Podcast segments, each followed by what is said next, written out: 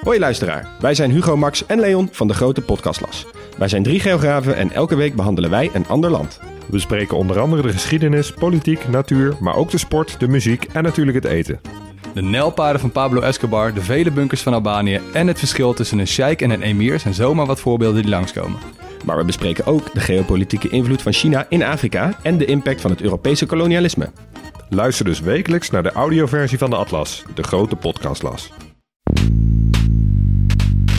Ik denk dat we zo langzamerhand eh, misschien wel eens voorzichtig het, het woord crisis in de mond moeten gaan nemen. En dat, ja, dat is misschien heel duaal, want enerzijds het gaat heel goed met de economie in Nederland, dus overdrijf je nou niet zo. Ja, ik citeerde al Ja. Mark Rutte, die zei: Wij zijn op dit moment het best presterende land, het best presterende economie Ja, ik van vind, Europa. dat, ik vind dat een heel gevaarlijke uitspraak, eerlijk gezegd. Want dat is natuurlijk feitelijk juist. Maar het gaat niet alleen om vandaag, het gaat ook om morgen en de toekomst. We stellen ambities, we stellen wat we willen doen. Maar we hebben veel te weinig de discussie hoe we dat dan voor elkaar gaan eh, krijgen. Al die windmolens die we in elkaar moeten schroeven en onderhouden. Nul op de meter huizen, eh, verduurzaam bouwen. Eh, nou, ga zo maar door. De zorg waar nu al tienduizenden vacatures zijn. Dus als je dus nu ziet dat de instroom van de scholen terugloopt voor technisch onderwijs, met name het MBO-onderwijs, ja, dan kun je dus de problemen van morgen en overmorgen zien. En gaan we dus grote problemen krijgen om die, om die duurzaamheidsdoelstellingen bijvoorbeeld waar te maken. Dit is Betrouwbare Bronnen met Jaap Jansen.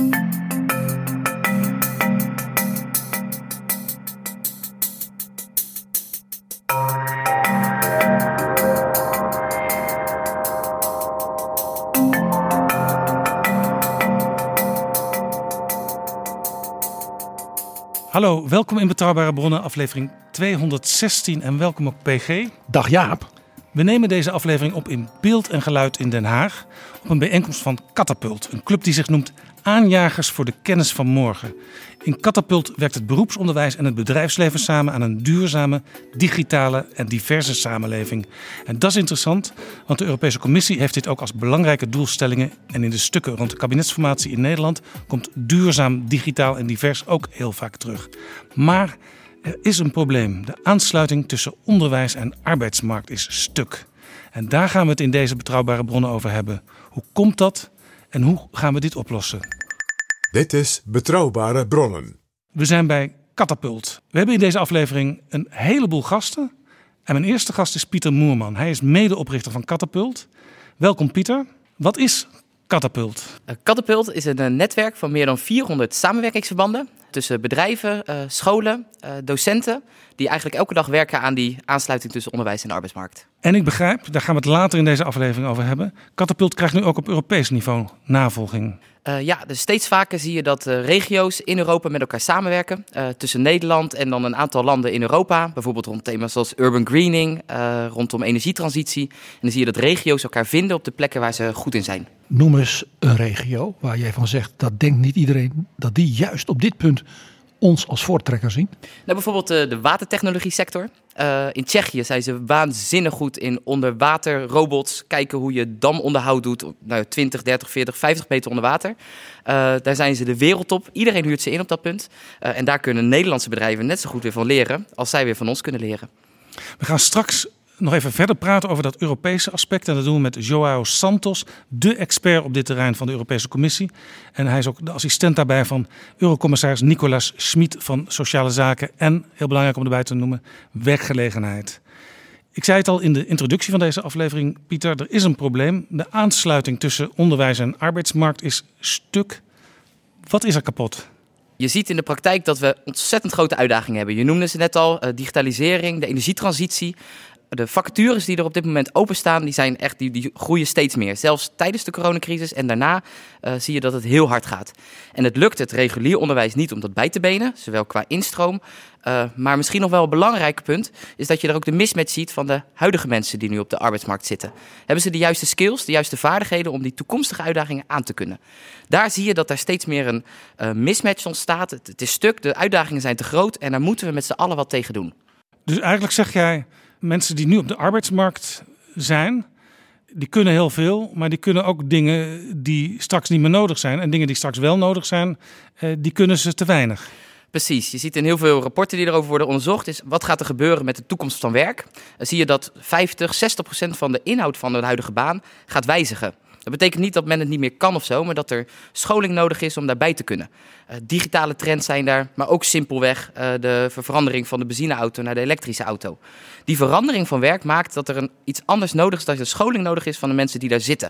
Als we er niks aan doen, dan gaat dat, gaat dat stuk en dan loopt dat stuk en dan lopen we vast als Nederland. En een heel groot probleem, uh, er kiezen te weinig jongeren voor technische, technologische opleidingen. Ja, dat is uh, al jarenlang een probleem. En uh, het lijkt wel alsof we een soort plafond bereikt hebben. Het zit, uh, zit stabiel. Misschien even wat cijfers daarbij is misschien Graag. wel interessant. in het MBO zit de instroom op 28% van de studenten die dan kiest voor techniek. In het HBO is dat 23%. En in het WO, wetenschappelijk onderwijs, is dat 34%. Er is wel eens berekend van als je nou echt wil van zoveel mogelijk tegemoet wil komen wat er nodig is, dan wil je eigenlijk 4 op de 10 hebben, dus 40%. En dan zie je dat we dat bij lange na niet bereiken. Dat moet op, op, op, aantal fronten zelfs verdubbelen dan. Precies, zeker in het uh, MBO zie je dat het uh, en het HBO zie je dat dat ja, verdubbelen of in ieder geval veel meer die kant op. En uh, zeker als je kijkt naar het VMBO, de instroom daalt in het VMBO, technisch onderwijs. En dat is echt wel heel zorgwekkend, want dat is uiteraard in het VMBO stroom en vervolgens door naar het MBO en stroom en door naar het HBO. dus daar is echt heel veel werk aan de winkel. Ja, nou is er iets raars aan de hand. Ik, ik zag de Techniek Pakt Monitor in het tweede kwartaal van 2021. Dat zijn de meest recente cijfers die we hebben. Waren er bijna 96.000 openstaande technische vacatures en 22.500 ICT-vacatures. Dat zijn dus uh, vacatures waar je, als je gekwalificeerd bent, onmiddellijk aan het werk kan. Dat betekent dus eigenlijk dat mensen niet kiezen voor opleidingen waar ze meteen werk mee hebben. Ja, dat klopt. Ik hoorde vorige week premier Rutte in de algemene politieke beschouwingen zeggen: Nederland is op dit moment de best draaiende economie van Europa. Nou, dat klonk natuurlijk geweldig. Ik weet ook niet of hij helemaal gelijk had in alle tabellen, maar die positie die loopt dus gevaar omdat wij zelf onze zaken niet op orde hebben. Zowel als het gaat over dit soort zaken, over groeicijfers, waar gaat Nederland heen, maar ook van die dingen als wat het kabinet wil gaan, gaan willen. Ik bedoel, ze gaan uh, bijvoorbeeld 288 miljoen vrijmaken voor de stimulering van de hybride waterpomp. Super, gaat gebeuren. Maar wie gaan dat doen? Die mensen zijn er niet. Die, die, daar zitten die 95.000 vacatures die openstaan, zitten daaronder. Daar moet je wat mee. Uh, maar, dat kunnen we allemaal kijken naar het onderwijs. Maar wat ook wel een hele belangrijk is, is kijken naar de werkgevers zelf hierbij. Er zijn heel veel omscholingstrajecten die op dit moment zijn. En ik hoor heel veel voorbeelden van uh, de trajecten waarin uh, omscholing naar de IT bijvoorbeeld plaatsvindt. Waarbij ze moeite hebben om werkgevers te vinden die zeggen: Kom maar, kom maar hier leren bij mij in het bedrijf. En dan leid ik je op en dan ben je, kan je daarna aan het werk hier. Je ziet toch dat men nog liever dan 10.000 euro uitgeeft aan wervingskosten. Dan dat men zegt, laten we nou samen met die school die die opleidingstrajecten uh, verzorgt. Laten we ze samen opleiden, uh, omdat er steeds meer mensen hierheen te krijgen. We hebben op dit moment nog zo'n ongeveer een miljoen mensen onbenut uh, arbeidspotentieel. Dus dat betekent dat er een miljoen, mensen potentieel aan het werk kunnen. Uh, die mensen mogen we ook vastpakken. Ook zorgen voor de inclusie erbij. En dan moeten werkgevers kunnen daar ook wel uh, een steentje bijdragen. Ja, over al deze aspecten gaan we straks nog verder praten met, met andere gasten ook. Uh, maar misschien een, een soort van voorlopige conclusie. Als je ziet dat er eigenlijk zo'n groot tekort is op de arbeidsmarkt aan gekwalificeerde mensen, zowel jongeren als mensen die al aan het werk zijn, maar nog niet de juiste scholing hebben of omscholing. Uh, dan zet dat dus uiteindelijk een rem op de verduurzaming van Nederland. Het klimaatbeleid, het energiebeleid. Waar nu allemaal grote plannen voor gemaakt worden. Waar straks ongetwijfeld ook het, het regeerakkoord van, van zal bulken. Ja, het is de vraag of we dat allemaal wel op tijd kunnen uitwerken dan. Ja, het klimaatbeleid, uh, regeerbeleid. Uh, denk bijvoorbeeld alleen aan het woningaanbod. Waar halen we de bouwvakkers vandaan? Die straks al die woningen gaan bouwen. Ja, ik hoorde deze week dat uh, Utrecht, de provincie Utrecht, wil 170.000 woningen gaan bouwen. En dat is dan alleen de provincie Utrecht. Dat gaat dus op deze manier nooit lukken. Nee, en dat is wel interessant om te zien. Uh, ja, we hebben een enorme klus. Maar we hebben ook al wel de kern te pakken hoe we dat kunnen oplossen. Dat is ook wel de, de katapultverhaal. Je hebt heel veel samenwerkingsverbanden in de regio die dit elke dag doen. Jij noemt natuurlijk katapult, want je hebt het zelf bedacht en mede opgericht. Bestaat al tien jaar, maar toch zijn nog heel veel mensen niet bekend met katapult. Nee, en dat begrijp ik ook. Want Katapult is, zijn juist de mensen in uh, de regio die dit doen. De scholen, de bedrijven, de docenten die er keihard aan werken. Uh, die kennen die urgentie. Die hebben dit ook wel gezien dat dit eraan kwam. Even heel, want die, die zien dat, die, die vragen hun bedrijven. Wat heb je nodig? Waar ga je mee bezig? De enorme vergrijzing is er natuurlijk ook nog gaande. Dus die zijn er al een hele tijd mee bezig. Katapult is meer het verzamelnaampje. Maar het gaat uiteindelijk om de mensen die langs die bedrijven gaan. Die vragen wat heb je nodig? Welke kant moet je op? Welke technieken moeten we aanleren? Uh, dat zijn de mensen waar het om gaat. En daar zijn zoveel mooie dingen ontstaan de afgelopen tien jaar. Die moet je vastpakken, koesteren en langzaam laten opschalen. Ja, we gaan zo straks praten over hoe al die mensen, al die opleidingen, uh, al die werkgevers elkaar kunnen uh, bereiken. PG. Ja, Pieter, jij spreekt terecht met groot enthousiasme over Catapult. Maar je bent nog veel te bescheiden. Noem eens de cijfers van de laatste drie, vier jaar van de groei van de, de hoeveelheid studenten, hoeveelheid docenten en ook vooral ook de bedrijven die met die centers van excellentie in het HBO bijvoorbeeld samenwerken. Dat zijn geen kleine marginale projectjes meer. Nee, we zijn de afgelopen jaren zijn we naar 12.000 bedrijven uh, gegroeid. Daar, daarvan is 85% van het MKB. Dat is in een vier jaar tijd is dat vanaf, vanaf 4500 bedrijven gegroeid. Dus dat is flink. En uh, je ziet nu inmiddels dat er 124.000 studenten in aanraking komen met dit soort zaken. en dat is een fors aantal als je bedenkt dat het een paar jaar geleden inderdaad nog op de 40, 50.000 zat. Uh, en wat ik misschien ook wel heel belangrijk vind, is dat docenten zijn uiteindelijk het allerbelangrijkste in dit soort zaken. Die zitten elke dag, en of dat nou hybride docenten zijn, dus degene die zowel aan het werk zijn als lesgeven als fulltime. Dan zie je nu dat er inmiddels 8000 docenten enorme passie hebben ontwikkeld voor deze vorm van samenwerking. Lekker samen met de bedrijven, samen met studenten, innovatieprojecten uitvoeren. En die groei vind ik misschien wel het belangrijkste, want dan krijg je de vonk en dan zie je dat steeds meer docenten uh, dit soort onderwijs ook gaan aanbieden. En er is natuurlijk een enorme kans want wat ook niet iedereen weet, is dat als je naar het beroepsonderwijs in Nederland kijkt, dat je een half miljoen MBO'ers hebt en een half miljoen studenten aan hogescholen in het HBO. Dus dat is een miljoen jonge mensen met dus die wat meer praktische, slimme, doenerige insteek. Uh, can-do mentaliteit, zei Jetteranis onlangs in Betrouwbare Bronnen. Dus die 125.000, dat kan op weg naar een miljoen. Precies, dat is ook de, de ambitie uiteindelijk. Ja, PG, wij waren een tijdje geleden uh, op bezoek bij de Hogeschool Leiden. En daar spraken we met een aantal betrokkenen over um, ja, wat ze daar noemen het, het ecosysteem van uh, hogeschool, universiteit, uh, bedrijfsleven. Onderzoek. Het Universitair Medisch Centrum. En het MBO ook. En ik kwam daar met een ontzettend positief gevoel vandaan. Maar ik word vandaag toch wel weer een beetje mistroostig als ik hoor hoe groot nog het probleem is om aan goede mensen te komen. Maar voor, je ziet dus bedrijven. In, je ziet in Leiden, en dat is niet de enige plek, want uh, die katapultbundelingen, daar is Leiden natuurlijk een mooi voorbeeld van. Dat sommige daarvan, zoals daar in Leiden, gewoon 10, 15 jaar vooruit zijn op de rest van Nederland. En ook, en dat is het interessante punt, op de rest van Europa. Waardoor dus Europa Nederland ook wel een beetje als een voorbeeld ziet. Maar daar gaan we het nog over hebben. Maar ik wil naar een ander gesprek nog verwijzen naar Jaap. Het gesprek dat we hadden met Olaf van der Gaag over de uh, energieverduurzaming. Die zei toen al, nou ja, eigenlijk wat net wat Pieter zei. Hij zei, ik kan zo 9000 mensen meteen aan het werk hebben in de duurzame energie. In het nu versneld realiseren van allerlei dingen in uh, hele buurten, in grote uh, locaties. Waar men nu al gewoon meteen ja. aan de slag wil. En hij zei het ook al, die mensen zijn er nu niet. Dat betekent een vertraging voor het realiseren van de klimaatdoelstellingen van Nederland. En daar werd hij aan de ene kant dus blij dat zoveel bedrijven, woningorganisaties en wat dat willen en dat nu zien. En tegelijkertijd werd hij er somber van, omdat hij zei, en hoe gaan we die mensen krijgen? En eigenlijk zeg jij, het model daarvoor zit dus in die katapultsamenwerking. Ja, heel simpel gezegd, als je de, de vakken, uh, vakschool technische installaties in Amsterdam, die krijgen het voor elkaar om met hun groep bedrijven 20% instroomgroei te realiseren. Tegen alle trends in. Pak dat model, kijk wat daar goed gaat uh, en zorg ervoor dat je dat opschaalt. En durf er ook in te investeren. Want dat is, als je ziet wat zij daar hebben gedaan, dat is een hele groep bedrijven, de school zelf ook, die daarmee aan de slag is gegaan. Het kost uh, tijd en geld om jongeren enthousiast te maken. Je hebt verschillende typen jongeren. Je hebt een better tech mentality model. Je hebt de typische mensen die altijd voor de techniek zullen kiezen, wat het ook is. Maar je hebt ook jongeren die er een beetje tussenin zitten. Die techniek interessant vinden, maar ook die maatschappelijke uitdagingen interessant vinden. Die moet je op een andere manier aanspreken. Nou, dat soort dingen, ja, dat kost tijd, geld, daar moet je aandacht voor hebben. Maar het kan wel degelijk en dat zien we elke dag. Pieter Moerman, dank voor dit moment. Dank voor dit gesprek. Uh, heel veel over wat Catapult doet en hoe die samenwerking tussen bedrijfsleven en opleidingen verbeterd kan worden, is te vinden via links in de beschrijving van deze aflevering. En wij gaan naar het volgende gesprek. Dit is Betrouwbare Bronnen, een podcast met betrouwbare bronnen.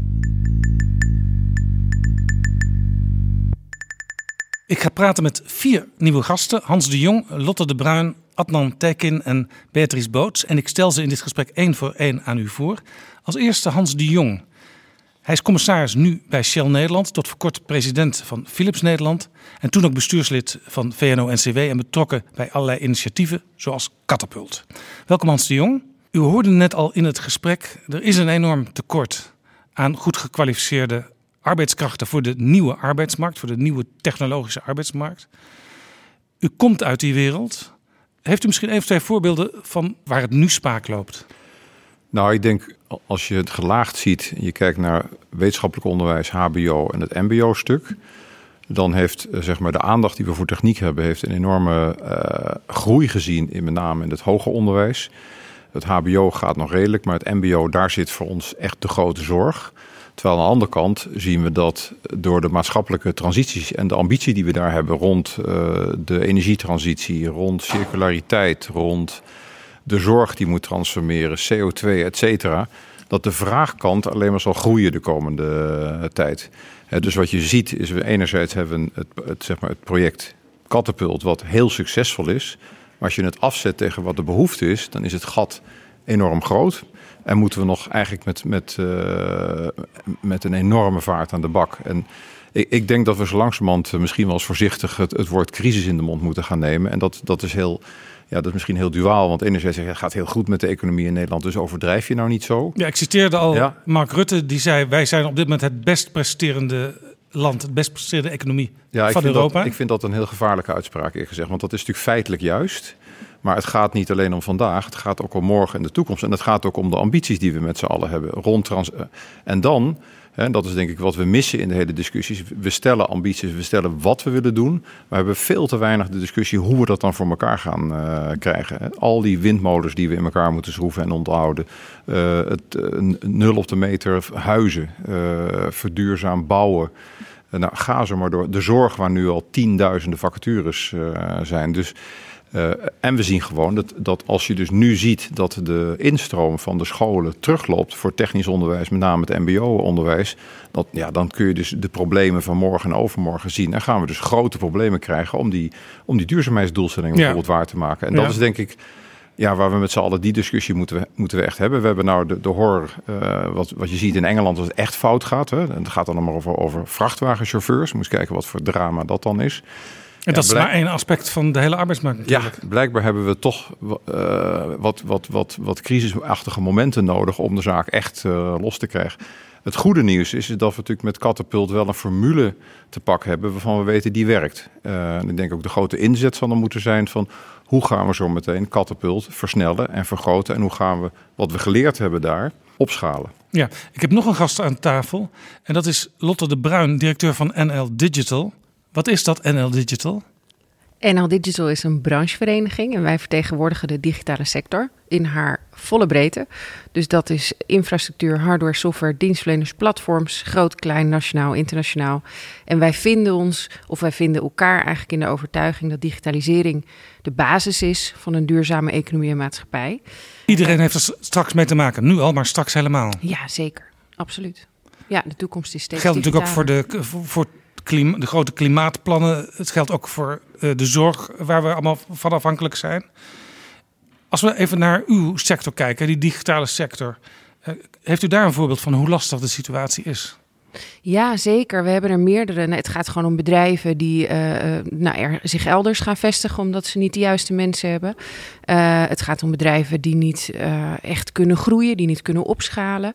Maar ik denk vooral dat het belangrijk is om te benoemen dat 70% van deze vacatures zitten in andere sectoren. Hè? Dus het gaat niet alleen maar om de digitale sector, maar het gaat inderdaad ook over de energiesector, over de zorg, mobiliteit, noem maar op. Dus uh, daar gaat het vooral ook om: kan je innoveren? Kan je meekomen in die transities? Heb je daar de juiste mensen voor? We hebben op dit moment heel veel gesprekken over soevereiniteit, autonomie, zelfbeschikking. En denk ik, ja, ja, we kunnen het wel allemaal zelf willen doen, maar kunnen we het wel zelf doen? Hebben we de mensen om, uh, om al die transities, om al die, die, die veranderingen die we doormaken, om dat ook echt te gaan doen? En dat is niet alleen maar voor de digitale sector, maar ook voor andere sectoren echt een groot probleem. Ja, ja het idee is natuurlijk dat, dat we als Europa heel veel dingen zelf moeten kunnen doen en niet afhankelijk moeten zijn van, van China, van Rusland, van de Verenigde Staten. Dat is de discussie, ja. Uh, daar gaan we het straks ook met, met Joao Santos uh, over hebben. Uh, maar ik, ik vind het altijd gek, want iedereen profiteert elke dag van digitale zaken. Ik heb mijn iPhone, ik heb al die andere apparaten die hier ook staan. Uh, je zou toch denken, zeker bij jongeren, daar moeten toch veel meer jongeren te motiveren zijn om ook in die sector een opleiding te willen gaan volgen. Ja, absoluut. En ik denk ook dat het te maken heeft met het feit dat wij een van de landen in Europa zijn die nog niet vanaf primair onderwijs digitale vaardigheden introduceren. Ik denk dat er 14 of 17 landen om ons heen zijn die dat al wel doen. En dan wek je dus spelenderwijs eigenlijk al de interesse met digitale vaardigheden. Lopen wij hier ook achter binnen de Europese Unie? Ongelooflijk, ja.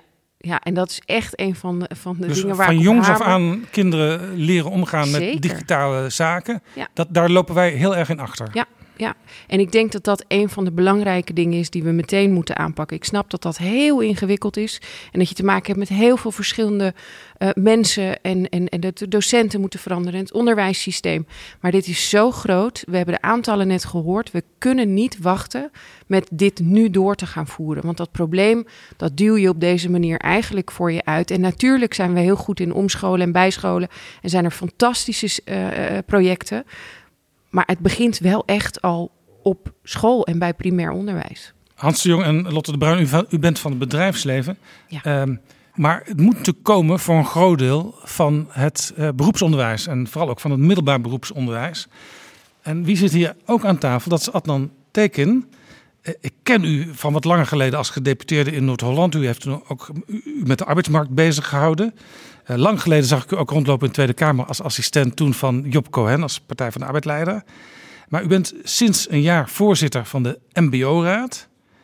En als ik onze gasten tot nu toe hoor, bent u dus eigenlijk uh, de persoon die moet leveren. En ja, u levert te weinig technisch geschoolde mensen af. Hoe zit dat? Nou ja, we leveren wel. We hebben 500.000 studenten ieder jaar. Maar te weinig. Uh, ja, nou ja, goed. Ik kan er niet uh, alleen voor zorgen dat er meer kinderen worden geboren of dat ze voor de techniek uh, kiezen. Dat, is, dat, dat is misschien ook nog wel even iets om te markeren. We zitten natuurlijk sowieso met het probleem van de vergrijzing. zeker. dus we moeten het doen met de jongeren, de kinderen die er zijn.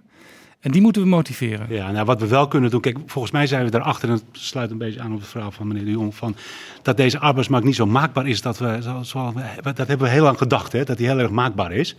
Nou, we zien nu twee sectoren, vind ik een heel goed voorbeeld. De zorg en de techniek is jarenlang in geïnvesteerd. Door Doekle Terpstra, in de zorg pakt ook, vanuit de Rijksoverheid, vanuit de sectoren. Dus er is al heel veel gedaan. En toch, en toch lukt het ons niet. Nou, dat, dat moet je aan het denken zetten. Dat heeft ons aan het denken gezet. Wat ik heel erg belangrijk vind, is waardering voor het MBO. Uh, als je kijkt naar uh, ons als samenleving, dan vind ik dat we, dat we het MBO niet genoeg waarderen. Wij Kijken we te altijd... veel naar de universiteit en de hogeschool? Nou ja, hoger is beter altijd. Hè. Zo, in zo'n samenleving zitten we ook. Hè. Er was uh, voor de zomer ook weer zo'n internationaal rapport over het uh, beroepsonderwijs in Europa. Daar staan wij gewoon altijd in de top 2, top 3. We hebben gewoon hoogwaardig, kwalitatief, middelbaar beroepsonderwijs. En we weten het zelf niet? Nee, we, we nee, we weten het weinig te, zelf te weinig dat we dat hebben. Hè, dus het begint bij die waardering. Um, maar daarnaast kunnen wij natuurlijk ook nog een paar dingen doen. En daar zijn we nu heel erg serieus aan het nadenken, omdat wij ons ook verantwoordelijk voelen voor die maatschappelijke transities en die tekortsectoren. Als u me vraagt van wat dan, hè? Nou, bijvoorbeeld, hè, dat is ook het advies van de onderwijsraad. Begin nou eens op een later moment te kiezen voor een vak. Hè, in Nederland kiezen we nu rond ons nou, 11e, 12e, 13e, 14e moet je al een keuze maken. In andere landen is dat veel later. Nou, je ziet daar het resultaat van.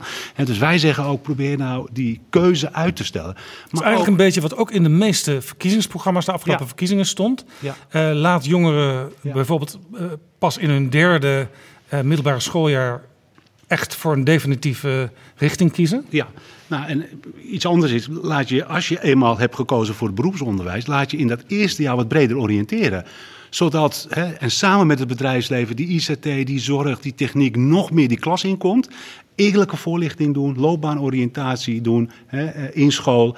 Ja, hopelijk dat daarmee dus ook uh, studenten voor die uh, richting gaan kiezen. Dan moet ik wel zeggen, als je eenmaal met je hart voor iets hebt gekozen, moet je dat ook vooral blijven doen. En als dat niet de zorg, de techniek of de ICT is, is het ook prima. He, dus breder oriënteren en smal uh, uh, uitstromen. Ja, is het misschien ook een probleem voor het MBO en, en voor de mensen die daar doseren, dat de ontwikkelingen nu zo enorm snel gaan, dat er zoveel innovatie is, dat je gewoon bij wijze van spreken nu niet, nog niet kan bedenken wat er over vijf jaar uh, te koop is in, in deze wereld? Nee, dat denk ik niet. Kijk, die 400 uh, voorbeelden van Pieter, hè, daar zitten wij als MBO-instellingen zitten we daar middenin. Hè? Ja, er Eh, zijn de allerlei initiatieven dus. Ja, we kijken echt naar de actualiteit en we kijken echt naar de toekomst. Hans de Jong? Ja, misschien even mag reageren. Ik denk, eh, ik denk dat we heel erg moeten oppassen door te zeggen, wat, wat gaat het MBO doen? Ik denk dat het juist deze tijd is dat we zeggen, we hebben met z'n allen die maatschappelijke doelstellingen. Daar hebben we iets voor nodig om dat eh, voor elkaar te krijgen. Dat is eigenlijk je, ja, en, en, en de conclusie is, geen enkele partij redt het alleen. Dus we moeten naar andere manieren van samenwerking, overheid, onderwijs en bedrijfsleven. Ik denk dat daar de oplossingen liggen. Dat we niet alleen het bedrijfsleven of alleen de overheid of alleen het MBO of het onderwijs moeten aankijken, maar we juist naar die samenwerking moeten gaan om, om het op te lossen. Ik denk, anders gaat het ons gewoon niet lukken. Ja. En daar Ja. hebben we met z'n allen verantwoordelijkheid in. Ja, u zet in feite zet u eh, iedereen op hetzelfde level van we moeten allemaal naar elkaar kijken en met elkaar in gesprek zijn.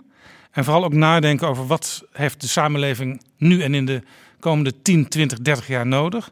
En hoe gaan we kijken Ja, om die match zeggen, zo optimaal Ja, mogelijk te maken. Niet zozeer elkaar aankijken, maar de handen ineens slaan. Ik denk Ja. dat dat, eh, Ja. dat zou mijn Maar beeld het vormen. MBO kan nog meer doen. Kijk, als je een, als je een vakopleiding doet, dan ben je twee, drie jaar bezig.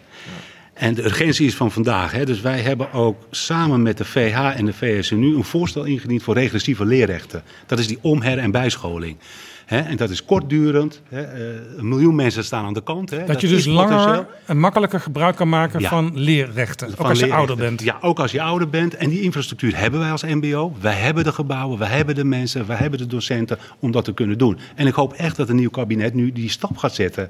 Hè, eh, zodat echt iedere Nederlander individuele leerrechten krijgt. Ja, u wil dus ook echt eh, met, met, met de ROC's de deuren openzetten. Eh, ook voor iemand van 50, eh, iemand van 60 om eh, bijgeschoold en omgeschoold te Dat worden. doen we nu al, maar dat kan nog meer. En niet alleen de ROC's, maar ook de vakinstellingen en ook onze groene AOC's die dat willen doen. Aan tafel zit ook Beatrice Boots. Wij kennen haar als betrouwbare bronnen luisteraar misschien uit aflevering 183. Want toen eh, zat u eh, in ons verhaal over het eh, Leidse kennis-ecosysteem. U bent directeur van Platform Talent voor Technologie en ook betrokken bij Catapult. En op alle mogelijke manieren probeert u vraag en aanbod bij elkaar te brengen. Hoe doet u dat? Ja, we proberen dat op een eh, brede manier te doen. En Catapult is een van die voorbeelden. We proberen ook eh, onder in de keten, zoals we dat noemen in het primair en het voortgezet onderwijs, ook te zorgen dat techniek nadrukkelijker naar voren komt. Nou, Lotte gaf al aan, daar zijn we in Nederland nog niet zo goed in. We proberen dat wel te stimuleren, maar het zit nog niet in ons curriculum.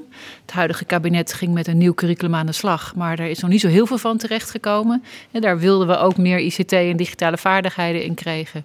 Eh, maar ja, dat, daar, daar moeten we eigenlijk nog aan beginnen. Blijft het vaak hangen in mooie woorden? Nou ja, er liggen veel plannen inderdaad en mooie woorden. Maar vervolgens moet je ook een keer keuzes maken. En ik denk dat er te weinig keuzes worden gemaakt. Om dan ook echt te zeggen, nou deze twee of drie punten vinden we nu het belangrijkst. Gaan we ook echt in investeren. En we gaan het met je tempo maken. Zegt u eigenlijk ook, want u bent daar al eh, zeker tien jaar bij betrokken. Eh, we hebben nu genoeg geëxperimenteerd met allerlei mogelijke samenwerkingen. Eh, laten we nu gewoon eh, een paar heldere eh modussen kiezen en dat gaan doen. Nou, het gaat niet om experimenteren, want we weten dus inderdaad best goed wat werkt. En we moeten dat dus opschalen, zoals we dat ook in Catapult roepen. En dat moeten we ook vooral samen doen met het, met het veld zelf, zoals SBB, zoals Adnan net ook zegt. Want ik denk dat Catapult is een mooie speerpunt van de vernieuwing van onderwijs en bedrijfsleven. Die samen op thema's die belangrijk zijn in de maatschappij, op het gebied van technologie of van zorg, eh, een mooie samenwerking stand brengen. Vervolgens dat opschalen kun je natuurlijk binnen en met Catapult doen, maar het kan nog veel sneller als je ook met het MBO en de hogescholen, hè, bijvoorbeeld via SBB, et cetera, ook die kennis en die inzichten meteen overtakelt naar dat hele brede veld, zodat het ook nog veel sneller gaat. Is dat ook waarom jullie jezelf katapult noemen? Ja, precies. zie- We zijn een soort vooruitgeschoven post om dingen, de vernieuwing, de innovatie op te zoeken, bij elkaar te brengen. Maar vervolgens moet het eigenlijk ook sneller en beter terugvertaald, teruggeploegd worden naar het brede veld. Waar volgens mij ook de docenten, scholen en bedrijven er echt wel mee aan de slag willen. Maar ook zij hebben de tijd en de ruimte nodig om dat te doen. Ja, en u Nou, zegt eigenlijk, we weten nu ongeveer hoe het moet. Dus Ja. we kunnen aanspannen en richten Ja. met Ja. de katapult. Ja, en dan moeten de docenten daar tijd en ruimte voor krijgen. En dan, dan moeten ze eh, nou ja, eh, ook zorgen dat ze daar snel toegang toe krijgen. De- en volgens mij willen de mensen in het MBO dat dan ook hartstikke graag. En die slag moeten we nu echt gaan maken. En het Regionaal Investeringsfonds heeft de afgelopen jaren veel geholpen om die vernieuwing tot stand te brengen. Maar misschien moet dat Regionaal Investeringsfonds wel tien keer zo groot. En ik denk ook dat er een Regionaal Investeringsfonds voor het HBO moet komen.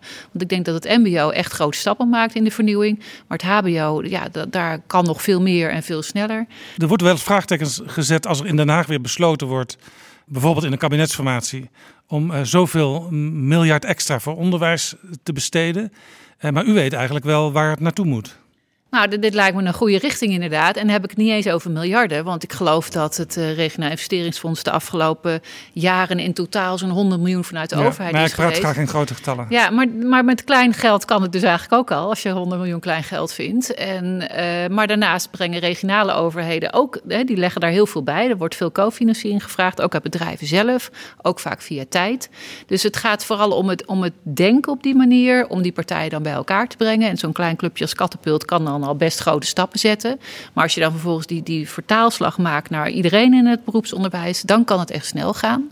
En nog één punt over hoe krijg je nou meer mensen in de techniek. Hè? Dat is dus best wel lastig. Ik ben er inderdaad ook al heel lang mee bezig. Maar je kunt natuurlijk ook nog kijken van hoe krijg je nou meer techniek in alle andere opleidingen. Ik, Adnan zei het eigenlijk ook al een beetje, daar, daar kunnen we ook wel wat meer aan doen. Dus gewoon die, die basistechnologie, vaardigheden, voortbouwend op het primair onderwijs. Ook in alle opleidingen gewoon in, in het mbo. Dan kun je ook later, als je nog wil shi- shiften, zoals bijvoorbeeld in het Make IT Work, een mooi voorbeeld binnen Catapult.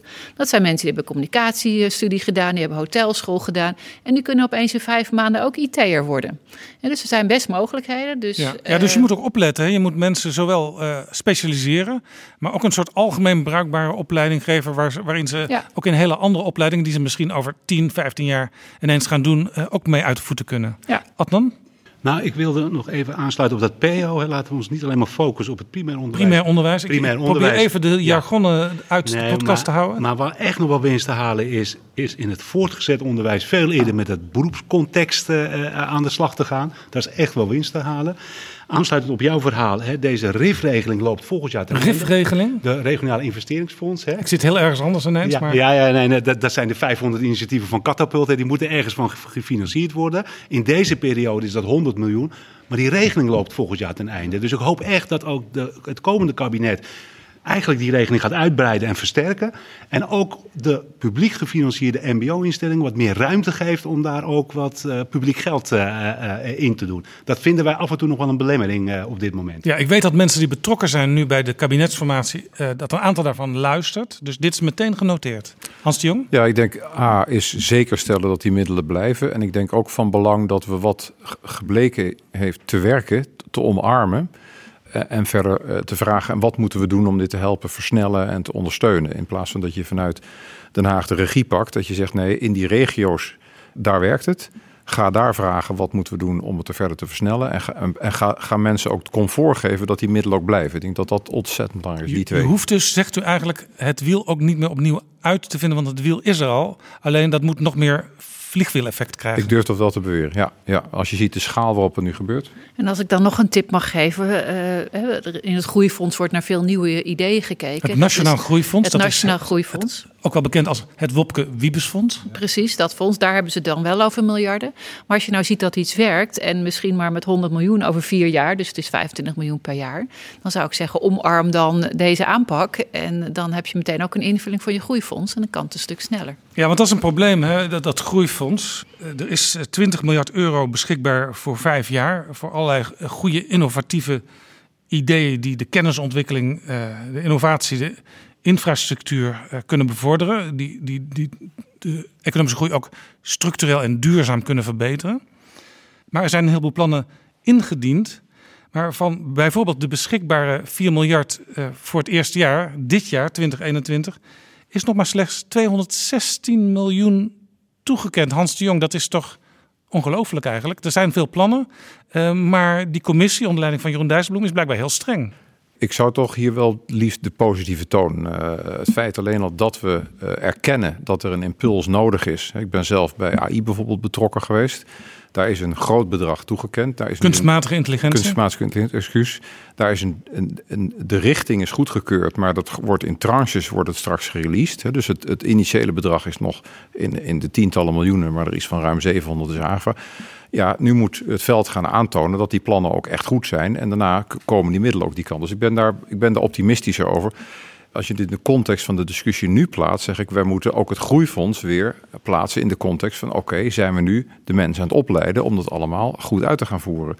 En dan, want het groeifonds is voor een deel uh, investering in kennis, maar ook voor een deel in infrastructuur uh, investeren. Uh, ja, die kennis, dat, dat zit dan met name op het WO-niveau. Nou, daar, dat zal nog wel goed komen. Maar het doen, ja, dan zitten we meteen weer bij het thema van vanavond. Ja. Is die urgentie weer om te zorgen dat we die mensen opleiden, zodat we ook dat geld uitgegeven kunnen krijgen en ook daar de, de vruchten maatschappelijk. Ja, en dan zitten we straks in een digitale samenleving, Lotte de Bruin, en dan kunnen we het niet meer aan, want we hebben de mensen niet meer. Ja, dat zou toch heel erg zonde zijn dan komen er heel veel dingen stil te liggen. En ik denk dat dat. Uh, Pieter sprak overigens ook de sector terecht aan, hè, voor, om ook inclusiever te zijn. En um, uh, ik denk dat dat ook een heel belangrijk. Los van het feit dat er nu te weinig mensen zijn, maar als ze er dan zijn, uh, dan vind ik dus ook dat ze hun weg moeten vinden naar onze sectoren om daar ook gewoon goede dingen te kunnen doen. En dat heeft ook heel erg te maken met gelijke kansen. Dat is iets wat ik toch nog eventjes wil aanstippen op dit moment eh, zie je op, op, eh, ik begin toch weer eventjes over het primair onderwijs, dat er op sommige scholen wordt er wel gekeken naar digitale vaardigheden. En dat betekent dus ook dat kinderen die van die scholen afkomen en uiteindelijk in, het, uh, in, in de arbeidsmarkt terechtkomen, een sprong of een stap voor hebben op diegenen die dat niet hebben. En dat vind ik wel echt dat moeten we niet willen hier in Nederland. We moeten wel echt zorgen dat er gelijke toegang is en gelijke kansen. En dat begint echt met die vaardigheden. Daar circuleren denk ik ook wel lijstjes van. Hè, van welke primaire scholen uh, besteden al heel veel aandacht aan digitaal bewustzijn. Ja. Dus eigenlijk eh, is het een schande als je bijvoorbeeld uh, directeur van een school bent en je staat niet in zo'n lijstje, ja, dan, dan, dan ontbreekt er iets. Ja, nou ja, een schande. Ik denk dat het ook heel begrijpelijk is. Hè? Ik bedoel, het heeft ook te maken met, met middelen en tijd en kennis. Dus ik vind het, dat niet, ligt niet per se aan de scholen. Nee, en je hoort ook uh, vaak van mensen uit het onderwijs, wij worden overvraagd. Want precies, uh, ja. we moeten al de ja. kinderen goed leren rekenen, we moeten ze al de taal goed leren. En dan moeten we ook ja. nog al die hele nieuwe dingen allemaal doen. Dus ik ben het heel erg eens met wat Hans zegt. Hè, van we zijn allemaal equal partners, zeg maar. En we hebben allemaal allemaal onze rol te spelen hierin.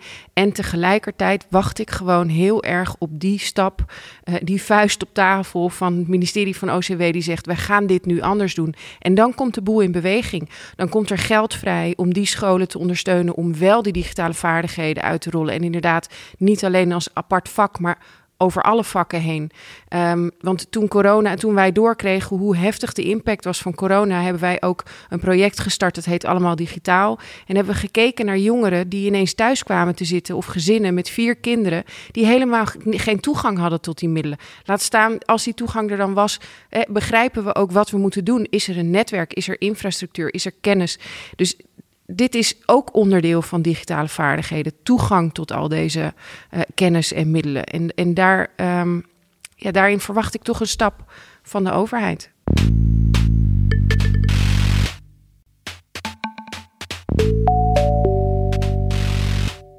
Betrouwbare bronnen is te gast in beeld en geluid in Den Haag en we praten over het tekort aan goed gekwalificeerde arbeidskrachten voor het nieuwe duurzame en digitale tijdperk. Er wordt samengewerkt tussen MKB, MBO's en overheden.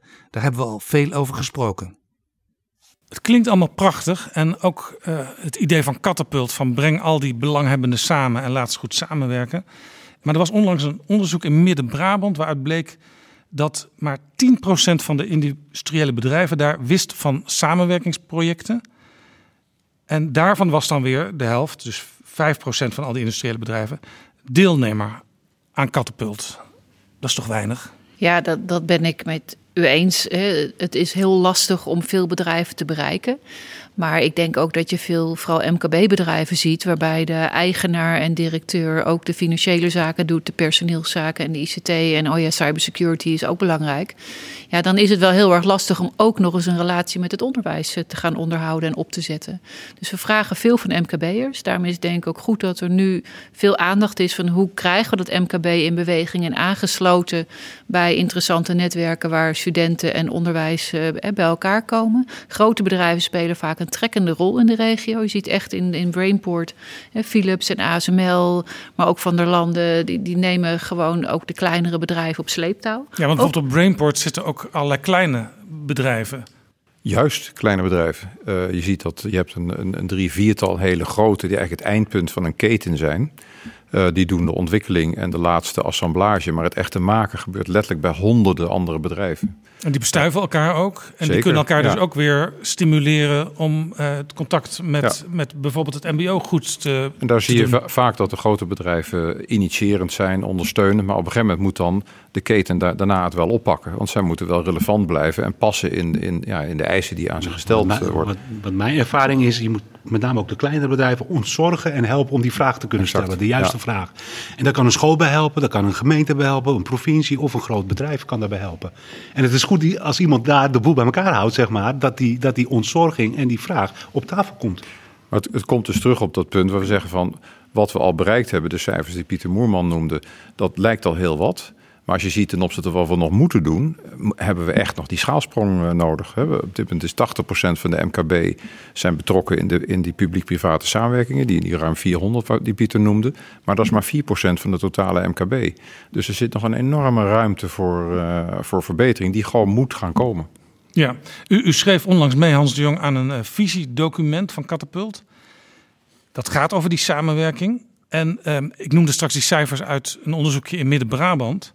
Eh, maar als je over heel Nederland kijkt, dan blijkt dat samenwerkingsprojecten tussen onderwijs en bedrijfsleven slechts 10% van de studenten en docenten bereikt. En slechts 4% van de bedrijven.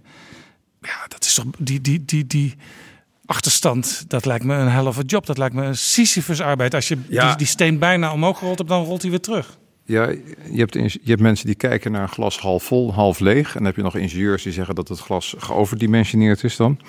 Eh, maar ik kijk dan liever naar een glas half vol. En dan zeg ik, de noodzaak. We, hebben met z'n allen gezegd, die maatschappelijke transitie gaan we doen in Nederland. Eh, we hebben uitdagingen, dat is er één. Maar we hebben ook ontdekt hoe we het kunnen doen. Dus de vraag is, handen ineens slaan aan de bak. En dan kunnen we met z'n allen van vinden van het. Er is nog een en- te gaan. Dan kan er zeggen, nou, is een enorme kans.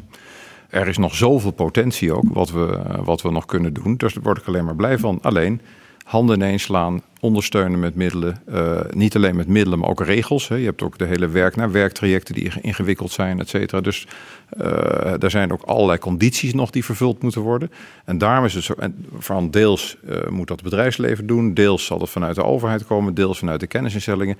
En daarom is het zo belangrijk dat je, dat je de handen ineens slaat en ook zegt: oké, wat, houdt, wat belemmert ons nu en wat moet jij doen, wat moet ik doen en, en, dat, en dat dan ook doen. En ik denk dat dat is denk ik de grote uitdaging waar we met z'n allen voor Maar die staan. spin-off is veel groter, hè, Hans. Kijk, ik heb Ja. één voorbeeld, hè, die ken ik uit mijn eigen praktijk. Uit de Noord-Hollandse 3D Makerzone in Haarlem. Hè? Dat is echt, bijna iedereen kent het. Als je ziet hoeveel leerlingen, eh, eh, eh, studenten daarop afkomen, dat zit niet in jouw cijfers vervat. Hè? Dus die spin-off is vele malen groter dan wij denken. Nou, ik vind ook de rol van de regio en de regionale partijen is essentieel hierin. Ja, Haarlem, eh, je hebt er zelf aan gedaan, Adnan, dat was een mooi voorbeeld. Eh, we zien ook andere voorbeelden in, de, in allerlei andere regio's waar we het eerder over gehad hebben. En daar zie je ook dat bijvoorbeeld eh, de lokale overheden ruimte maken voor gebouwen op de campus. Eh, Er zijn nu, komen nu VMBO-scholen bij de, de campus van de TU Delft bijvoorbeeld. Dus je ziet ook dat daarmee het perspectief wordt geschetst voor VMBO- en MBO-scholen om ook samen te werken met, met kennisorganisaties in de regio. Dus daar wordt enorm in geïnvesteerd. En, ja, dus, denk- dus u zegt eigenlijk, iedereen die iets van doen heeft vanuit zijn, vanuit zijn werk, vanuit zijn bestuurswerk of, of anderszins met onderwijs, eh, met het beroepsleven, op allerlei niveaus. Als wethouder, als gedeputeerde, eh, straks als minister of staatssecretaris in het nieuwe kabinet. Die heeft iets te doen. Die kan denken, wat kan ik betekenen? Hoe kan ik invloed uitoefenen Ja. om dit eh, beter te laten lopen? De les is, je moet het organiseren daar waar het gebeurt. In het veld, in een stad, in een campus, waar het ook gebeurt. En centraal beleid moet erop gericht zijn... wat moet ik centraal doen, zodat ik het lokaal help. Het moet faciliteren. Ja, dat is het. Ja. Eh, en dat Dus betekent ook niet dat het je wiel daarna... uitvinden opnieuw. Niet een heel nieuw niet. plan maken op Alsjeblieft niet. Haags niveau. Nee. Maar gewoon aan de slag in het land. En de minister die moet eh, zorgen dat het blijft lopen. En, en, en de regionale vraag moet leidend zijn. Ja. Hè, kijk, de energietransitie zal heel anders eh, uitpakken in Groningen of in Zeeland of in Limburg of in Noord-Holland. En dat is zo het mooie eraan, hè, dat die regionale vraag gewoon leidend is. Ja, Geef een beetje vertrouwen. Ja, Lotte de Bruin, veel van die samenwerkingsverbanden die dus op zich goed werken, dat, dat, dat zien we in al alle cijfers. Alleen het is allemaal nog te gering. Maar veel van die samenwerkingsverbanden die drijven op het enthousiasme van enkele mensen. Hoe kun je ervoor zorgen dat dat breder gedeeld gaat worden? Ja, enkele mensen, enkele bedrijven inderdaad. We hebben het net al eventjes gehad over de rol van grote bedrijven. Een soort frontrunners hè, die dan uh, de boel in beweging krijgen. Ik denk dat je daar niet aan ontkomt. Dat je totdat je een bepaalde massa hebt en dan gaan mensen volgen. Dus ik ben die enkelingen super dankbaar. En uh, uh, dat zullen we ook proberen aan te blijven vullen. Maar dan kom ik toch terug op wat ik eerder zei. je zult toch ook een besluit moeten forceren. Dus ik ben het helemaal eens met de regionale aanpak. En het centrale stuk zal toch ook zeg maar, vanuit de, ja, de, de, de, de, grote overheid, de centrale overheid moeten komen. Om de boel ook verder in beweging te krijgen. Als je dat niet doet, dan zijn het duizend prachtige bloemen die bloeien. Maar we moeten ze wel bij elkaar zien te binden om ervoor te zorgen dat we kunnen opschalen uh, in de regio. Kijken wat werkt, uh, wat moet je nationaal doen, wat moet je regionaal houden. Uh, anders blijven we dit soort prachtige initiatieven met elkaar ontplooien. Maar er moet echt nu iets groots gebeuren of iets geforceerd worden. Of ik weet niet precies hoe ik het, moet, hoe ik het verder moet omschrijven. Maar die rol uh, zie ik bij, uh, bij onze overheid. Ik leer altijd dat, dat diversiteit goed is en dat diversiteit ook veel in beweging kan zetten. Uh, maar u zegt ja, dat is zo. Maar massa is nu in de fase waar we nu ingaan belangrijker. De dingen waarvan we weten dat ze werken, die moeten we nu, zoals dat zo mooi genoemd wordt in, in het jargon, opschalen. Precies. Ik weet niet of dat nou ten koste moet gaan van diversiteit. Uh, daar ben ik echt niet. groot, groot voorvechter van. Uh, uh, ook in dit thema overigens. maar ik ben wel, ja, ik zeg wel opschalen en, en een beetje urgentie. Want wat we doen, doen we hartstikke goed. Maar dat betekent niet dat we achterover mogen leunen en denken dat we het daarmee oplossen met alle partners die hier zitten en, en, en die keihard aan het werk zijn. daar moeten we echt voor waken. Dus die opschaling, dat is super urgent. En doe dat dan met wat we weten wat werkt. Er zijn fantastische uh, projecten die zo een plug-and-play programma hebben voor vaardigheden die je meteen vanaf primair onderwijs in het klaslokaal kan inzetten. Doe het dan, maar doe het in het hele land. Doe het voor iedereen. Diversiteit in een andere betekenis van het woord, de emancipatiekant.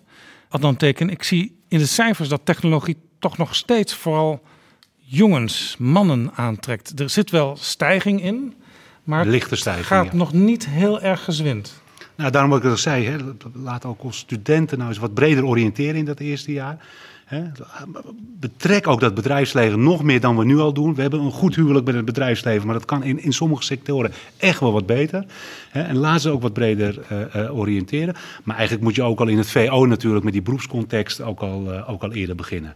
Maar daar ligt ook weer een gemeenschappelijke verantwoordelijkheid. Zeker. Omdat als je meisjes wilt uh, inspireren om techniek te gaan doen, zul je die echt op een andere manier moeten aanspreken dan jongens. Jongens ja, vinden de motor misschien mooi of, of IT. Uh, meisjes is, is die maatschappelijke impact is veel meer van belang. Dus waar leidt het dan toe waar ik in stap? En ik denk dat we daar nog steeds uh, heel veel kunnen doen om, om ook meisjes te inspireren. Ja, dus je moet gewoon de taal van de doelgroep beter gaan zeker, spreken. Zeker, ja. Daar, en dus daar, zal ook moeten. Ja, sorry, ik ben een meisje die ja. in, uh, in de, in de techniek uh, werkt. Jazeker.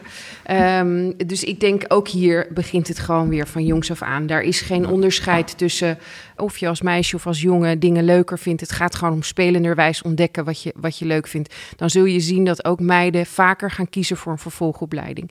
We hebben ook uh, samen met het ministerie van Economische Zaken overigens een plan om te zeggen... in 2030 willen we gewoon een gender equal uh, sector zijn. Dus 50% mannen, 50% vrouwen. Dat is een ongelooflijke opgave, dat weet ik. Maar daar gaan we wel voor, omdat... En dit heeft ook eventjes, als je om het hoekje kijkt... van wat is nou het issue met genderdiversiteit... of diversiteit op allerlei andere thema's... Het heeft te maken met hoe wij onze producten en diensten ontwikkelen. En hoe diverser je team, hoe, hoe, hoe meer perspectieven je hebt om naar een probleem, product of dienst te kijken, hoe beter uiteindelijk en hoe beter het aansluit op onze, op onze economie en maatschappij. Want die is niet alleen maar wit en die is ook niet alleen maar mannelijk. Dus dit is nou ja, het is zoals je hoort iets waarvan ik ook vind dat het heel erg belangrijk is. Hier ga ik wel op aan. Eh, maar dit, dit begint ook weer helemaal bij de basis. Misschien wel nog veel eerder, misschien wel thuis. Eh, bij de ouders die, die iets vinden van eh, jongens en meisjes en technologie. Maar daar hebben we nog een weg eh, te gaan. We gaan richting het slot van dit deel van het gesprek. En we gaan ook van microniveau, namelijk waar we het nu over hadden, thuis, naar weer het hele grote. Eventjes toch nog naar de miljarden. We hadden het al over het Nationaal Groeifonds.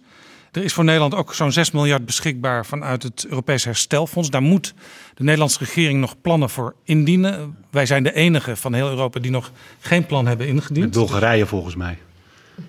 Oké, nou op dat niveau dus. Ja, ja, Met alle respect ja. voor onze Bulgaarse vrienden overigens. Eh, maar daar ligt dus ook nog allerlei interessant eh, geld, ook voor de technologische sector. Eh, de uitgaven aan onderwijs en onderzoek zijn in Nederland in de afgelopen tien jaar van 10 miljard euro naar 17 miljard gestegen. Als we nou al die mogelijkheden zien en al die ambities ook, wat zouden dan in ieder geval, misschien hebben jullie daar allemaal wel een idee over, alle vier. Wat zou er in ieder geval in het regeerakkoord moeten staan straks? Welke, welke kabinet van welke samenstelling er ook zit? Leven lang ontwikkelen. Waar we het e- al, eerder over hadden. Geef nou mensen echt vlieghoogte. Haal die schotten weg. Eh, eh, laat ook die ONO-fondsen die schotten weghalen. Geef mensen echt dat ze kunnen vliegen. Dat ze zich kunnen, heel snel kunnen omher- en bijscholen. Geef een premie op als je naar een tekortsector gaat. Of die maatschappelijke transities gaat doen. En dat gaat echt wel om substantieel geld dan. Hè? Voor iedere Nederlander. maatschappelijke uitdagingen als de nieuwe fundament van je economie. Met als essentiële voorwaarde het eh, menselijk kapitaal erin. En, en, daar, en daar een programma maken wat breed en inclusief eh, is. Want met alleen de doelgroep die er nu is, gaan we niet redden. Eh, Pieter Moeman noemde al eerder, zijn op dit moment een miljoen mensen buiten het arbeidsproces. Er zijn mensen die in sectoren zitten waar gewoon heel veel verlies aan arbeid zal zijn. Met name de administratieve rollen. Ga op tijd met, en dat zijn echt tienduizenden mensen. Ga daar op tijd mee in, overleg met die en ga die programma's maken en zet die middelen daarvoor in. Dus eh, ga die technologie ontwikkelen, maar ga parallel daaraan je, je, je, je werkforce eh, mee aan de slag in gezamenlijkheid. Beatrice? Dit vraagt wel om een lange adem en niet Ja. om allerlei kleine regelingetjes waar iedereen vooral druk is met de regeling. Maar probeer nou echt de tijd te zoeken om hier structureel mee aan de slag te gaan. En geef dat dan ook gewoon 10, 20 jaar, want dat heb je echt nodig voor zo'n transitie. Ja, als ik er dan een strik omheen mag doen, dat zal jullie niet verbazen. Eh, over lange termijn gesproken, dat heeft dus te maken met digitale vaardigheden vanaf primair onderwijs. En u heeft, en dat dan tot slot, eh, ook voor uzelf nog een doelstelling, heb ik gelezen in, eh, in het visiedocument. Eh, want ik noemde straks die cijfers van eh, slechts eh 10% van de studenten en docenten eh, wordt bereikt door de samenwerkingsinitiatieven die er nu al zijn. En slechts 4% van de bedrijven. En het idee is, eh, Hans de Jong, dat, dat over 10 jaar tenminste 50% van alle studenten in MBO en HBO moet zijn die hiermee in aanraking komt. En dus door gestimuleerd kan worden. En 20% van de relevante bedrijven.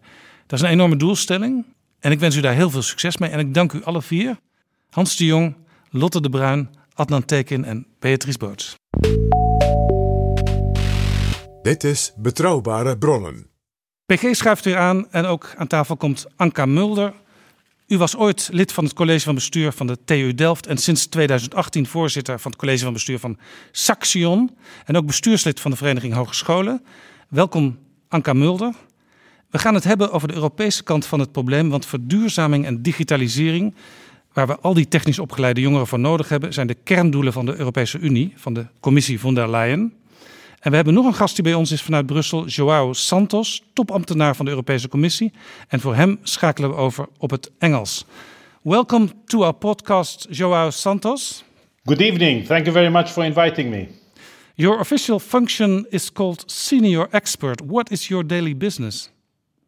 Well, you know, I'm trying with a, a team of uh, of colleagues here in Brussels to do the very best we can to modernize vocational education and training in Europe, to help uh, member states, to bring the stakeholders together. So that's how we spend most of our time. In this podcast, we talk about the lack of graduated students in the technological sector in the Netherlands. But I may presume that this is not purely a Dutch problem. Not at all. I think, in fact, you know, vocational education and training throughout Europe uh, has uh, um, an issue with what regards attractiveness of the sector. People quite often think that the noble uh, area of education is high education, and quite often uh, there's a sort of a negative stereotype uh, in society against vocational education and training, which is completely wrong. And we have excellent examples throughout Europe how vocational education and training is equipping people with the skills to get a quality job, to have fulfilling lives, and to upskill and reskill. And companies that very much appreciate people that come from the vocational system with uh, skills that uh, help the companies be competitive, innovative. But there is, there is, I think, throughout Europe, in some countries more than others, of course, but there is an issue of attractiveness of VET on which we are trying to do our best to address. Earlier in a podcast, episode 130, uh, our guest was Joost Korte, Director General Employment, Social Affairs and Inclusion. Uh, your Director General. My boss, yes. and he told us that Europe can learn from the Netherlands in some ways, especially he mentioned the Catapult initiative. And now there is Catapult Europe. How important is this? Well, you know, uh, uh, I have the privilege, I'm quite lucky in the job I'm doing because sitting in Brussels, we have the opportunity to engage with uh, stakeholders from all countries of Europe and we can sort of compare the education systems, how uh, they are being modernized, how business education partnerships are developing. And therefore, we can, although I would say there is not one single model that we can apply throughout Europe because countries have different characteristics, the economic models are, are different, some are more industrial, some are more service oriented. So therefore, it's very difficult to say that, you know, sort of have a recipe and say this is what everyone should do. But the fact that we are sitting in Brussels and have this opportunity to engage with, with uh, many stakeholders, many countries, allowed us to see that, in fact, the Dutch model, I would say, is one of the most advanced in Europe, the Dutch model of vocational education and training, not only in terms of the way it is uh, organized, but the way that, for example, vocational education and training is closely linked to what is the economic reality. And I think Catapult, in, in, uh, in many respects, is an example of how you have addressed through a national initiative the, the key conditions and analyze what is necessary to make sure that the education system does not work on a void, on a bubble of its own, but is really understanding what society and the economy needs in terms of skills development and engaging very closely with them. And I think Catapult, and I would uh, maybe take the opportunity to thank the, the colleagues in particular too in Catapult, Peter Morman and Bodovine, that have been working very closely with the Commission and helping us in put forward uh, initiative on centers of vocational excellence and bringing to this initiative the Dutch experience, which, as I said, of course, there are other countries that also have very good systems, but I think the Dutch experience, in particular, in what regards business education partnerships, in bringing together the, the world of employment and the world of education and training, is, I think, one of the best examples in Europe. And we are very proud and very happy that Catapult has been uh, helping us in order to pursue these objectives throughout Europe. PG? If there is if there is one sort of almost practical uh, idea from the Catapult initiative in Holland, which you would really like to sort of implement widely in Europe, what would that one idea be? Yeah, I, I think that there are various uh, various uh, important ideas, and uh, but I, if if I would say because I like the practical side of what Catapult does. I mean, Catapult is not just an entity living uh, in uh, in the clouds, uh, just giving recommendations, whatever. They provide very concrete tools, you know, self-assessment tools, decision trees that, in a very practical way, help the stakeholders to get the job done. So it's not only about talk, it's not only about producing uh, nice documents that quite often are left on a shelf and nobody reads. I think the, the, the big advantages of the approach of Catapult is building on expertise of the people that work there, but then turning all that expertise, all the knowledge that they gain into very practical ways of pursuing these business education partnerships. And in fact, Catapult has uh, allowed us to uh, publicize and make use in the various uh, initiatives that we have, in particular centers of vocational excellence, that other countries, other vocational centers, other companies throughout Europe can make use of the tools being provided by Catapult. I think, you know, if, if there's anything that I'd like to sort of highlight of the approach, that's one uh, uh, that I think is the most important. So, this practical sense of getting the job done, I think, is one of the qualities of Catapult. As you mentioned, there is now a handbook. It's introduced this week. A handbook with decision trees, useful for businesses and for educational systems. I want to ask a question uh, to Anka Mulder of Saxion. Anka, how helpful can this uh, European uh, working together be for you as the leader of uh, Saxion University of Applied Technology?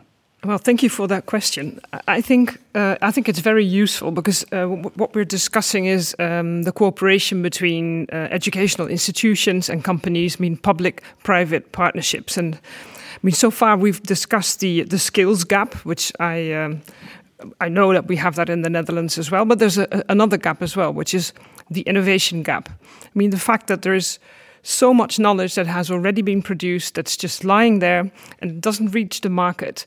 It stays within universities. And we all know why, because um, it's the small and medium sized enterprises, the SMEs, who have to do something with this knowledge. And um, for some reason, in the Netherlands and perhaps also in Europe, we, we haven't found the, the right instruments to involve the SMEs. And I think this is what we're now doing through this European initiative, but also through the uh, uh, PPS, the PPPs in the Netherlands, uh, putting SMEs in the driving seat. I think that's very important, and that's what we're doing in the region. So, put SMEs in the center of the instruments that you develop and treat them as equal partners. Isn't it strange, Joao Santos, to talk on a European level about small business enterprises because people think, well, that's local, that's regional. What does Brussels have to do with it?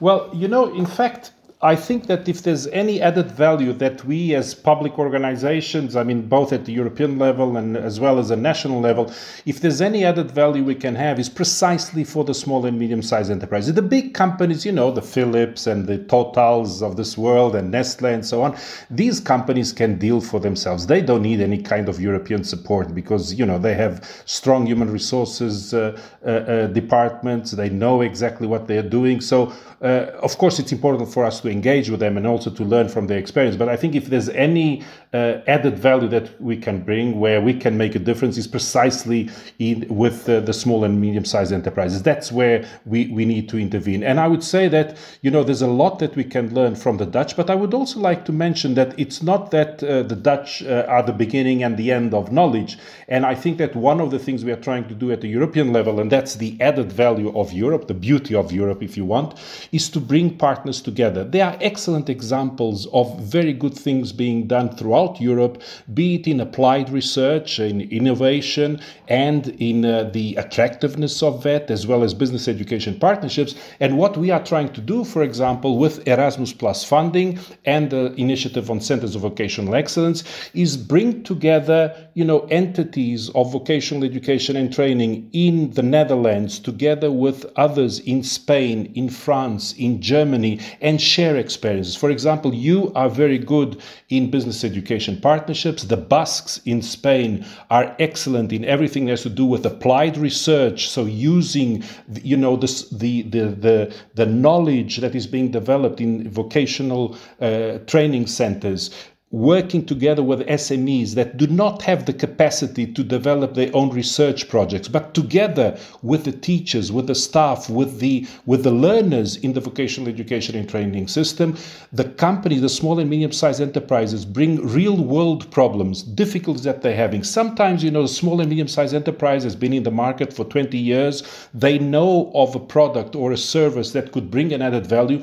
but they don't have the capacity to do the research that would be necessary necessary to produce innovation. And what we are trying to do with the, this initiative of Centers of Vocational Excellence is bring these partners together. Let's see what, for example, in the Basque country, the Basques are doing very good in bringing vocational excellence to serve SMEs. Let's share that with the Dutch vocational centers. Let's share it with the Portuguese, with the Italians. And what we want is really to build a, a culture of excellence in vocational training where we are not, as I said, the vocational training system is not working on a void, on a bubble, but really in touch with what are the needs and the reality in the labor market. And I think, uh, coming back to the beginning of your question, I think that's one of the added values we can bring is really supporting SMEs for their innovation, to create new jobs, to grow, to be competitive in world markets.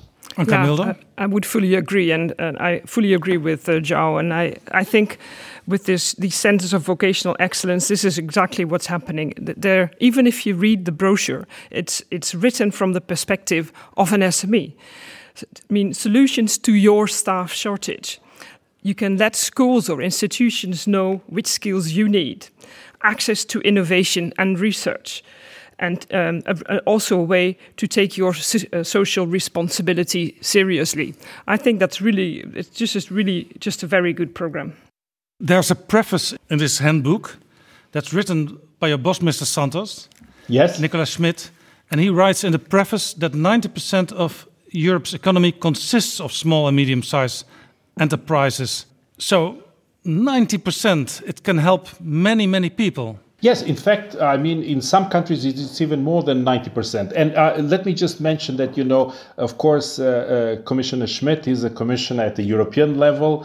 And I think the fact that he took his time to uh, contribute with the preface for that uh, brochure uh, gives you an idea of the dimension of the importance we give to what is happening in the Netherlands, in particular the work of Catapult, because you can imagine he receives a lot of uh, requests for pre, uh, prefaces to many publications, but uh, of course he cannot do all of them. But he felt the need to do this one in particular, precisely because we value very much not only the work that is being done in general the Netherlands, but in particular with this uh, uh, work that Catapult is doing in providing support and concrete guidance on how to go ahead, how to develop these decision trees, and make sure that uh, we give a, a very hands on uh, tools for SMEs to know how they can engage with the education system. So it's not just a general recommendation saying to all SMEs engage because you have advantage. No, it goes a step further. It says, look, engage and depending on your level of availability commitment to work with the education system this is what you can do these are the various options that you can engage in in order to develop this uh, this cooperation with the education system so i think it's very uh, practical and uh, as you rightly said the commission mentioned it that europe is mainly done through uh, SMEs, and it is it makes a lot of sense that we give and we dedicate a lot of our work, a lot of our thinking, a lot of our knowledge to uh, support SMEs throughout Europe. What struck me was when you became, you know, concrete. You talked about the Basques, and I'm yes. sitting here opposite Anka Mulder, who is from a region Twente, which is also a very strong region in technological development, mechatronics, and eh, and textile and whatever they they're all really good at. And this is interesting. What you see here, this is because it's SME. It must be local and regional. And at the same time, you see obviously a sort of a European perspective here on a subnational basis, on a regional basis. Maybe you can can, can sort of uh, uh, analyze that for us. Sure. I think that, you know, the, the vocational education system, maybe much more than universities, uh, is usually very linked to what are the local realities. So, unlike a university, take Oxford, Cambridge, you know, these big universities in the US, they receive people there, but then the people just go to take their course and they go somewhere else. They go back to their home places.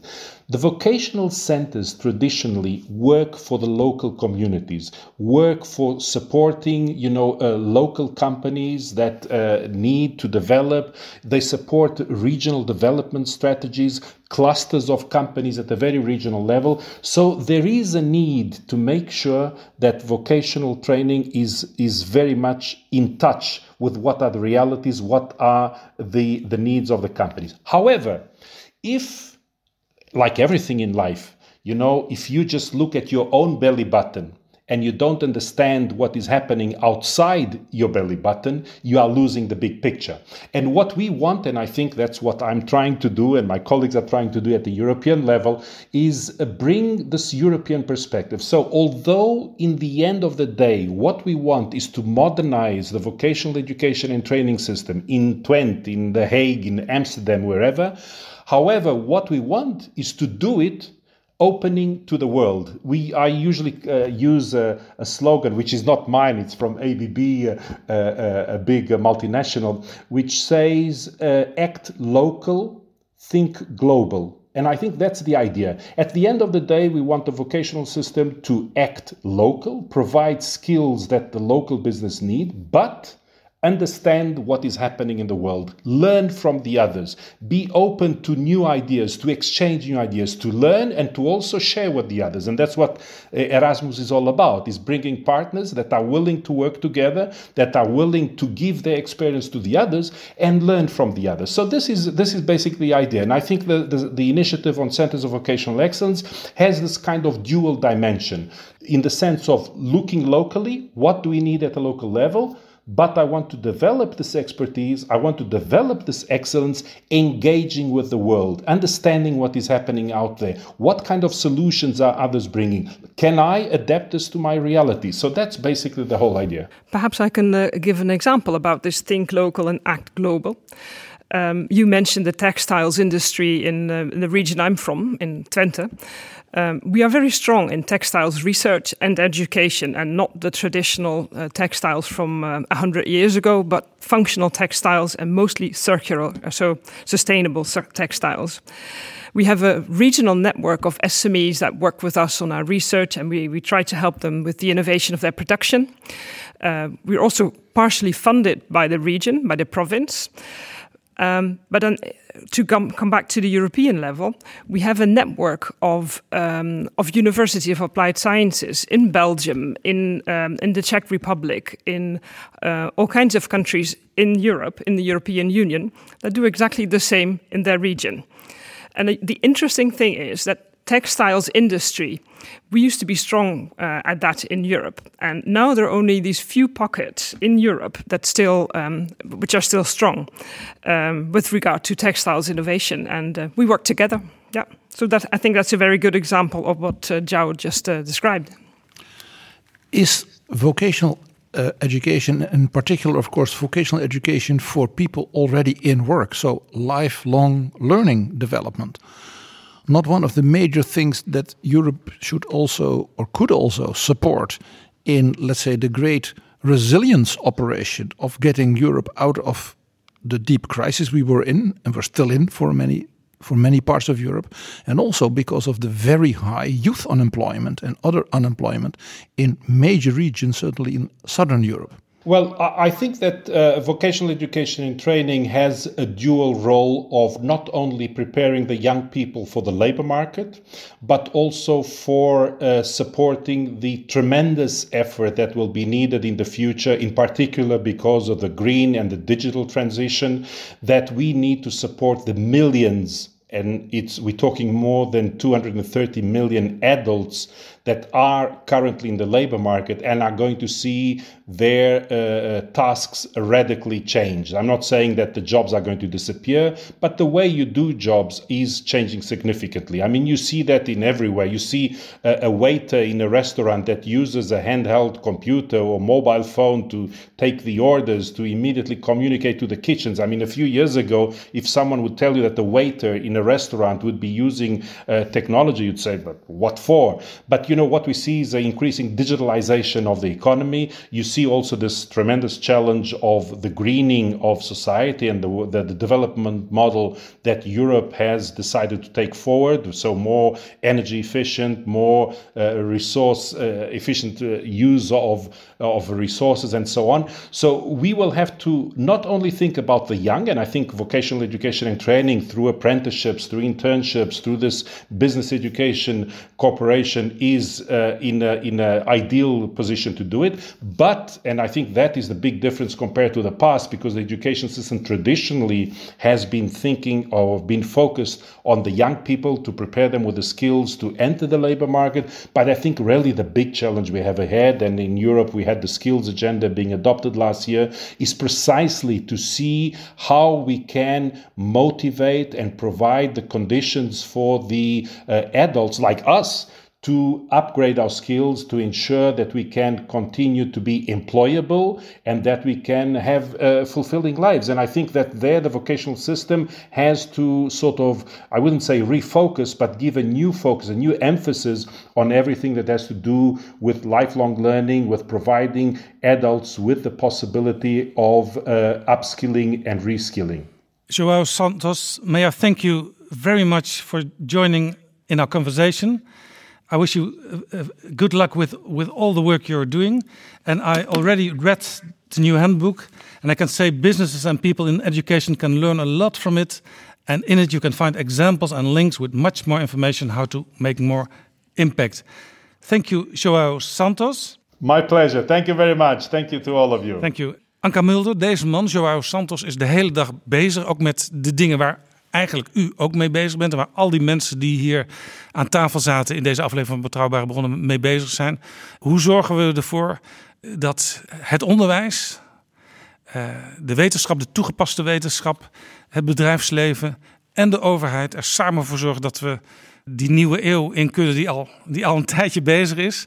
Uh, maar waar we nog zoeken naar uh, hoe maken we hem zo, zo groen en zo digitaal en zo divers mogelijk dit was op zich wel ook een stimulerend gesprek. Uh, ik vind dat een hele goede vraag. En uh, uh, je hebt het eigenlijk de hele avond al gehoord. We moeten nu gaan naar het opschalen van oplossingen die, die, nu al werken. En ik weet hè, dat Catapult en partners hebben een groeifonds voorstel geschreven. dat gaat over het opscalen van, van zaken die nu al werken. dat zal terechtkomen bij de commissie Dijsselbloem. En ik hoop dat ze er kritisch, maar bijzonder positief naar kijken. En ik hoop dat dat wordt gehonoreerd.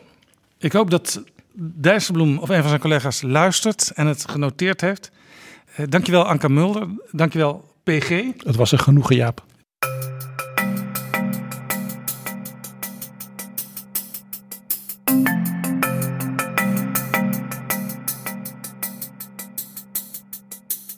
Dit was Betrouwbare Bronnen 216 en deze aflevering is mede mogelijk gemaakt door Catapult. En in de beschrijving van deze aflevering staan links naar het document wat we hebben besproken en naar het handboek en nog veel meer informatie. Tot ziens. Betrouwbare Bronnen wordt gemaakt door Jaap Jansen in samenwerking met dag en nacht.nl.